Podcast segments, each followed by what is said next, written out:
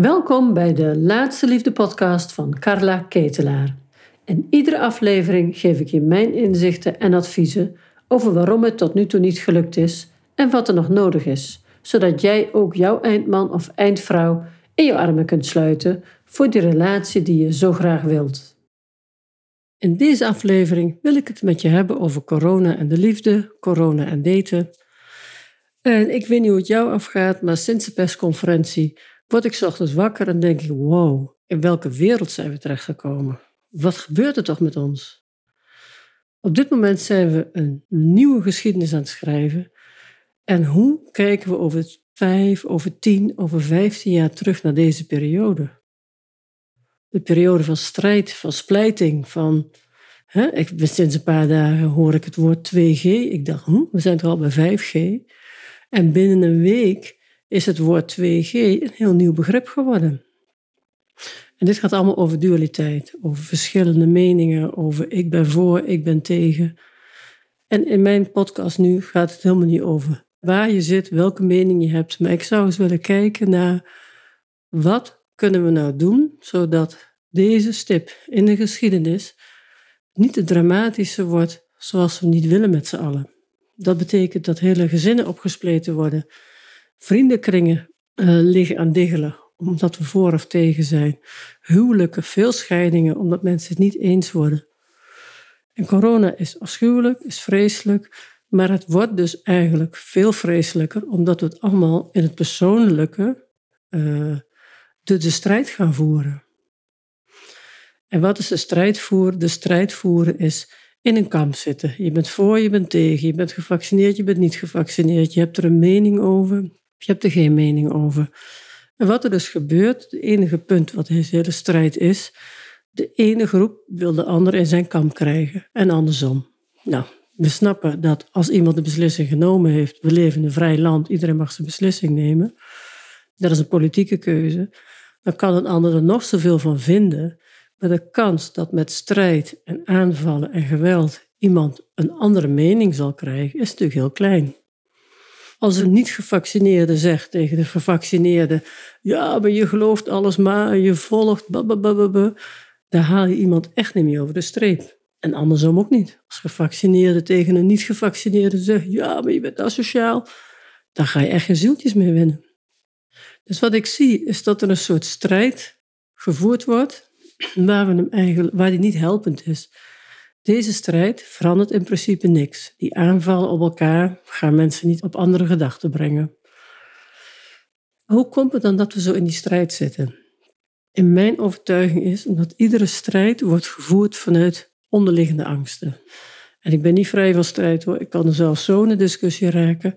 En iedere dag moet ik, als ik wakker word, is het eerste wat ik aan mezelf vraag: hoe wil ik deze dag in? Wil ik hem strijdend in? Of ga ik die verdieping hoger en ga ik kijken van ik wil niet in strijd met anderen, ik wil in de verbinding met anderen. Ik ben nog steeds van overtuigd dat de verbinding de wereld redt, de liefde, en niet de strijd en de, de verwijdering, zeg maar. Dus het is niet uh, iets wat vanzelf gaat. Dit vraagt, als ik naar mezelf kijk, vraagt het iedere dag een beslissing. Ga ik in een van de kampen of ga ik in de verbinding? Wat betekent dat concreet? Concreet betekent dat hoe willen, hoe willen we leven? Willen we constant met elkaar strijden? Hè, dat hele gezinnen worden, zijn gespleten, huwelijken gaan er een stuk, vriendenkringen gaan kapot, families worden, hebben allerlei vetes. Willen we dit? Willen we dit met z'n allen op deze manier?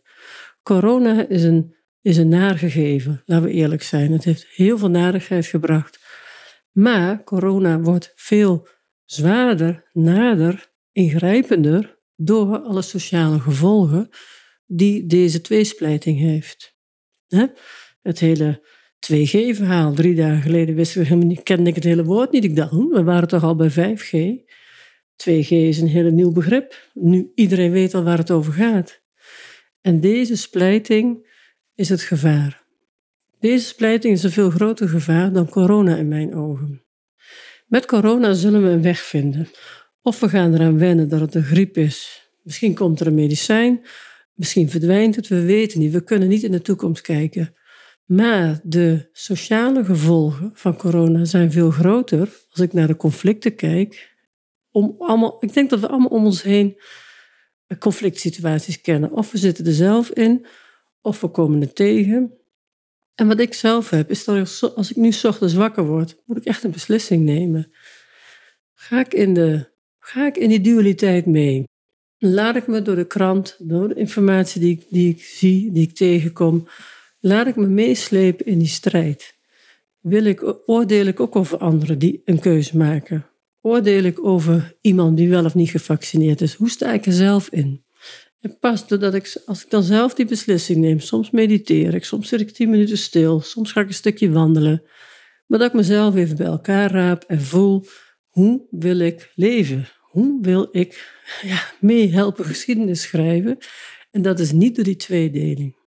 We hoeven het niet met elkaar eens te zijn om het goed te hebben in onze maatschappij. Nou, als ik dan even terugga naar liefde en relaties. In een uh, goede relatie hoef je het ook niet altijd eens te zijn. Je, je hoeft niet per se dezelfde politieke partij te kiezen.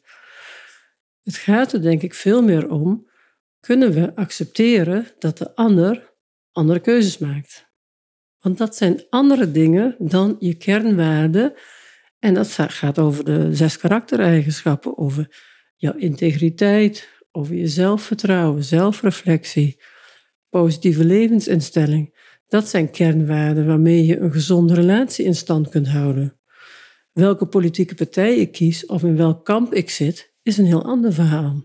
En die sterke meningen, die worden erg gevormd door de angsten die eronder zitten. Als ik voel dat ik weer, hè, ook wel eens op oorlogspad natuurlijk, ik zit ook wel eens in een discussie. Als ik voel dat ik in zo'n discussiestand sta en ik ga even terug naar mezelf, dan kom ik altijd mijn angst tegen voor vrijheidsverlies. En voor mij is dat een diepe angst, die is bij mij groter dan de angst voor de dood.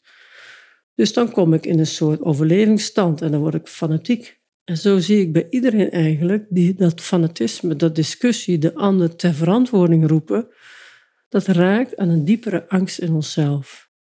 En voor mij is dat de angst voor de vrijheid, maar voor een ander is dat angst voor de dood of angst voor ziekte. En zo hebben we allemaal ergens iets eronder liggen, waardoor we aangaan en de strijd bijl oppakken. Maar mijn dagen dat ik in die discussiestand sta, die zijn heel niet fijn.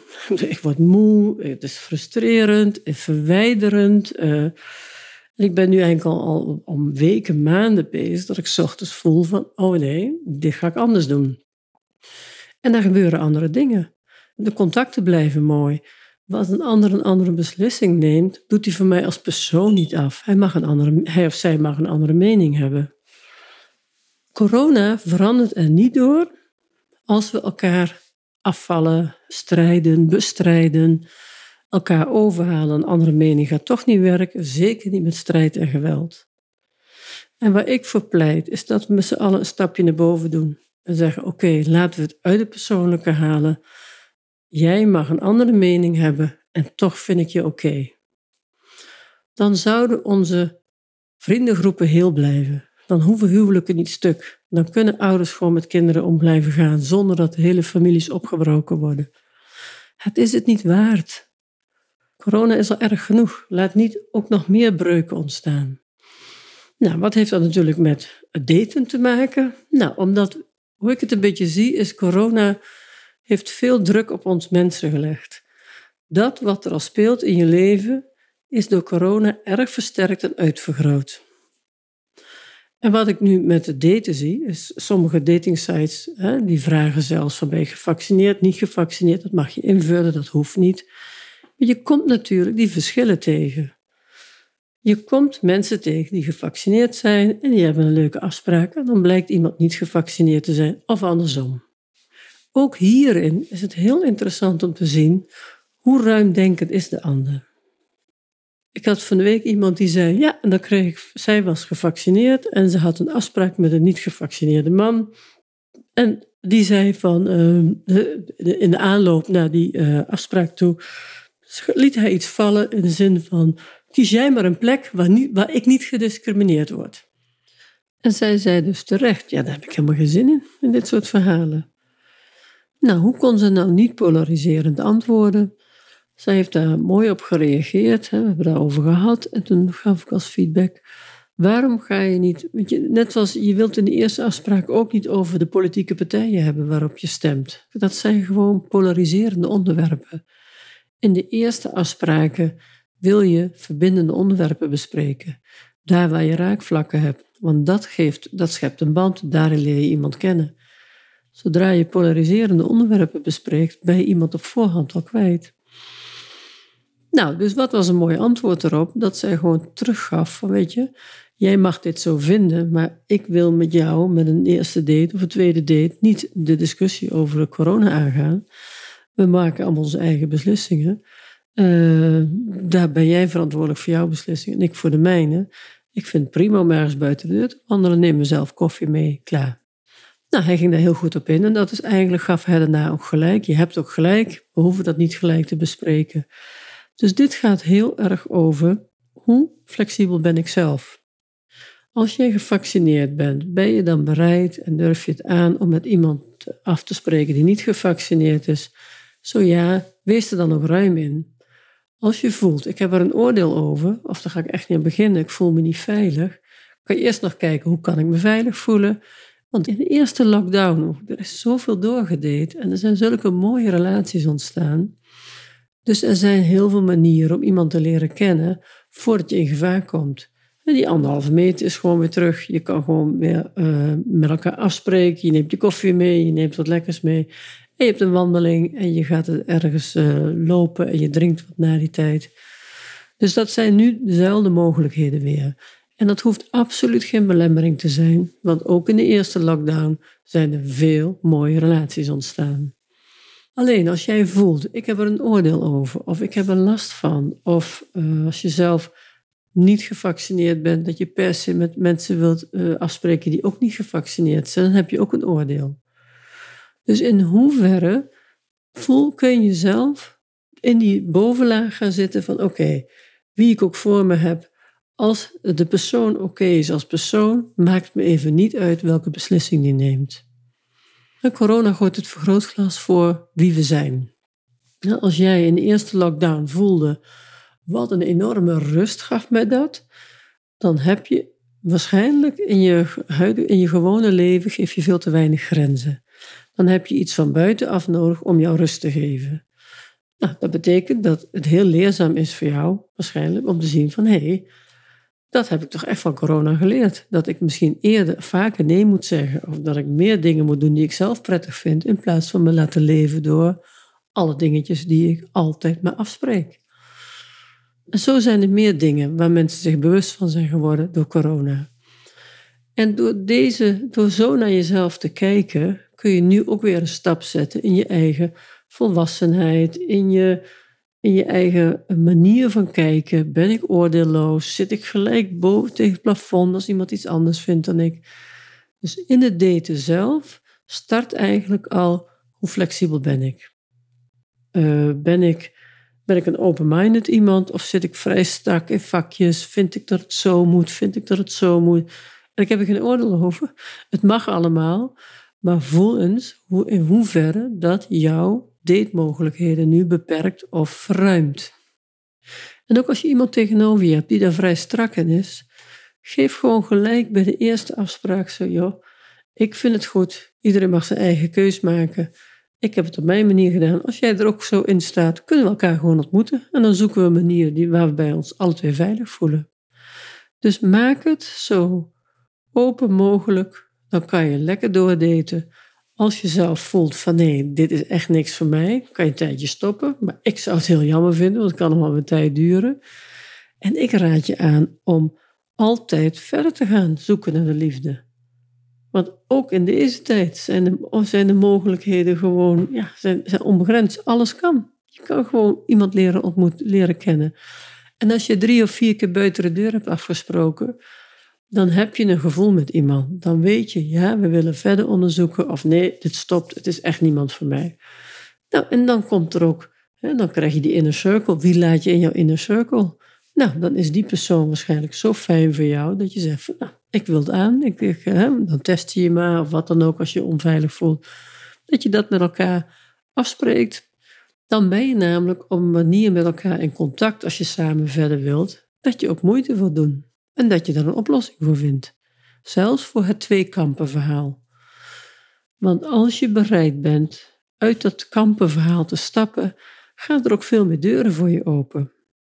En dan is het ook nog de kunst om iemand te ontmoeten die, dat, die die openheid heeft. Maar ik merk in mijn adviezen en de programma's iedere keer dat als je zelf daar een open mind in hebt, dat de ander ook zegt: van, Ja, je hebt ook gelijk ook. Ach ja, laat, laat het loslaten. We gaan nu gewoon elkaar zien. Dus als de een begint met uh, uit de dualiteit, dus uit de polarisatie te stappen, uit de dualiteit, en die maakt die stap naar boven, zo van: Weet je, we zijn oké als mensen en we maken onze eigen keuzes, dan komt de ruimte. En dan is de verbinding wel mogelijk. En stel dat je verder gaat en je komt verder in je, hè, dat wordt een relatie enzovoort. Dit zul je altijd tegenkomen. In een volwassen relatie met twee authentieke, zelfstandige mensen zullen er altijd verschillende ideeën zijn. We zijn niet twee identieke mensen. Je hebt verschillende meningen, je hebt verschillende gevoelens en mag dat naast elkaar bestaan. En als jij voelt met het daten al dat de ander heel erg in jouw straatje moet, dan heb je eigenlijk al een probleem in jezelf, wat je maar echt mag onderzoeken. In hoeverre moeten wij symbiotisch passen? Moeten we altijd bij elkaar willen zijn? Moeten we, moet het allemaal naadloos aansluiten? Of blijf ik ook helemaal oké als ik een andere mening heb dan dat hij dat heeft of dat zij dat heeft? Want dat gaat over hoe volwassen ben ik. Hoe volwassen ben ik voor mezelf, dat ik zonder dat de ander mij daar helemaal in bevestigt, toch goed blijf voelen. En hoe volwassen ben ik dat ik de ander zijn eigen mening gun. Dat een ander dingen anders mag voelen. Dus ook hier kan corona weer heel veel informatie geven. Hoe sta ik in het leven? En ook met het daten en de liefde. Dus mijn motto blijft: geef niet op in de liefde. Juist nu niet in coronatijd, juist niet in deze vreemde tijd van sociale afstand, van polarisatie. Stap eruit. Het is een keuze. Het is een keuze om in de strijd te zitten. Het is een keuze om de discussies aan te gaan. Je kunt eruit blijven en verbind je. En er zijn mensen genoeg om je heen die dit ook heel graag willen. We zijn toch allemaal een beetje moe van de strijd, van de discussies. Bijna niemand kijkt meer naar die avondprogramma's, want er wordt alleen maar gestreden. Al die discussies, voor, tegen, voor, tegen, en daar voeden we ons mee.